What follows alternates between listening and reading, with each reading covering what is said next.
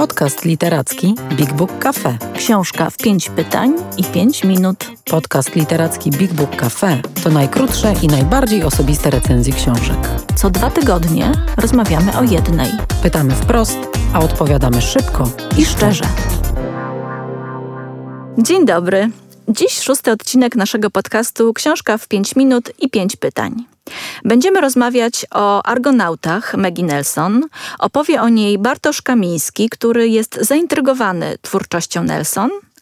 I szczególnie zaciekawiła go właśnie ta pozycja, która otrzymała tytuł bestsellera New York Timesa.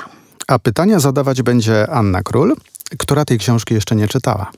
Bartku, każda Twoja odpowiedź nie może trwać dłużej niż minutę. Czy Ty jesteś gotowy? Tak. To zaczynamy.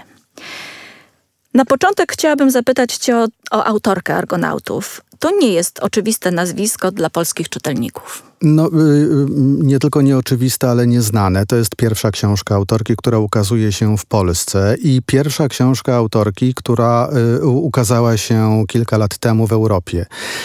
W Ameryce Maggie Nelson jest głośnym nazwiskiem, jest bardzo cenioną pisarką, poetką, a przede wszystkim, i tutaj to należałoby naprawdę mocno podkreślić, intelektualistką.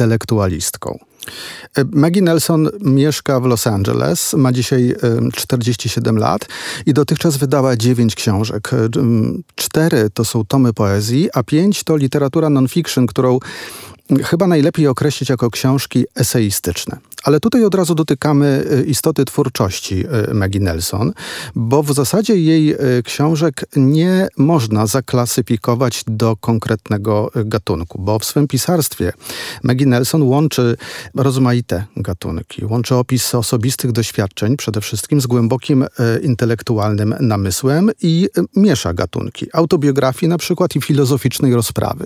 Poezji i no, naukowego tekstu krytycznego z zakresu teorii teorii sztuki współczesnej, czy, czy na przykład teorii literatury. I Argonauci, jej najsłynniejsza książka, ma y, wybitnie autobiograficzny charakter. Co w takim razie oznacza tytuł Argonauci? Do czego tutaj nawiązuje Maggie Nelson? O, to jest bardzo trudne pytanie i niełatwo na nie odpowiedzieć. No, wiemy z mitologii, że y, Argonauci to y, uczestnicy wyprawy pod wodzą Jazona, którzy na statku Argo wyruszyli po Złote Runo. E, ale Maggie Nelson e, swoim tytułem nie nawiązuje wprost do mitologii, e, tylko do pojęcia, które w oparciu o mit Argo ukuł w swojej twórczości francuski pisarz intelektualista Roland Barthes.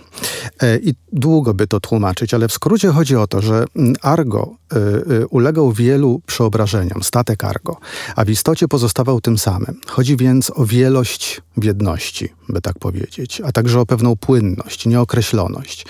E, w Argonautach głównym tematem e, tej książki e, jest płynna, nieokreślona tożsamość płciowa i seksualna.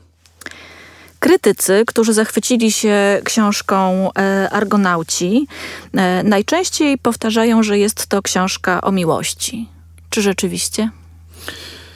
Tak, to jest książka o miłości, o wielkiej miłości, i chciałoby się powiedzieć o nietypowej miłości, ale właśnie cały wywód bardzo gęsty, intelektualny, e, ale też bardzo e, e, żywy i lekki, lekko napisany Maggie Nelson służy temu, żeby właśnie powiedzieć, że jest to opowieść o normalnej miłości.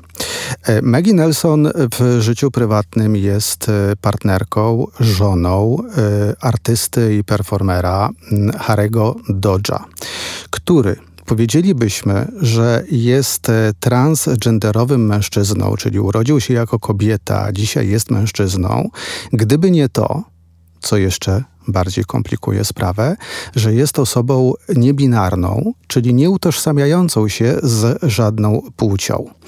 E, mają e, wspólnie dzieci.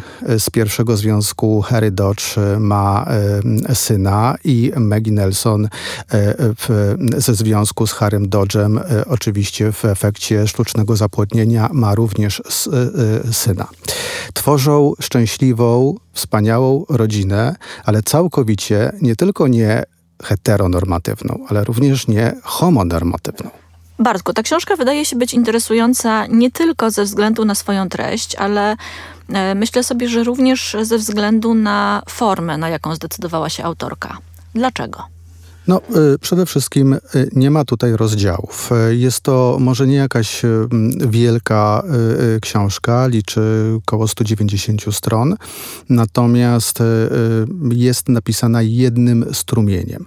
I można by było powiedzieć, zażartować, czy jakby trochę jako przytyk powiedzieć, że jest to strumień świadomości, taka rzeczywiście bardzo swobodna narracja, gdyby nie to, że jest to bardzo precyzyjna polifoniczna konstrukcja. Maggie Nelson w całym swoim dyskursie, y, który tutaj prowadzi na kartach tej książki, opisując życie rodzinne, historię, osią narracyjną tej, tej, tej opowieści jest oczywiście historia związku, partnerstwa, potem małżeństwa z Harrym Dodge'em, macierzyństwa, y, y, wychowania dzieci i wspólnego życia.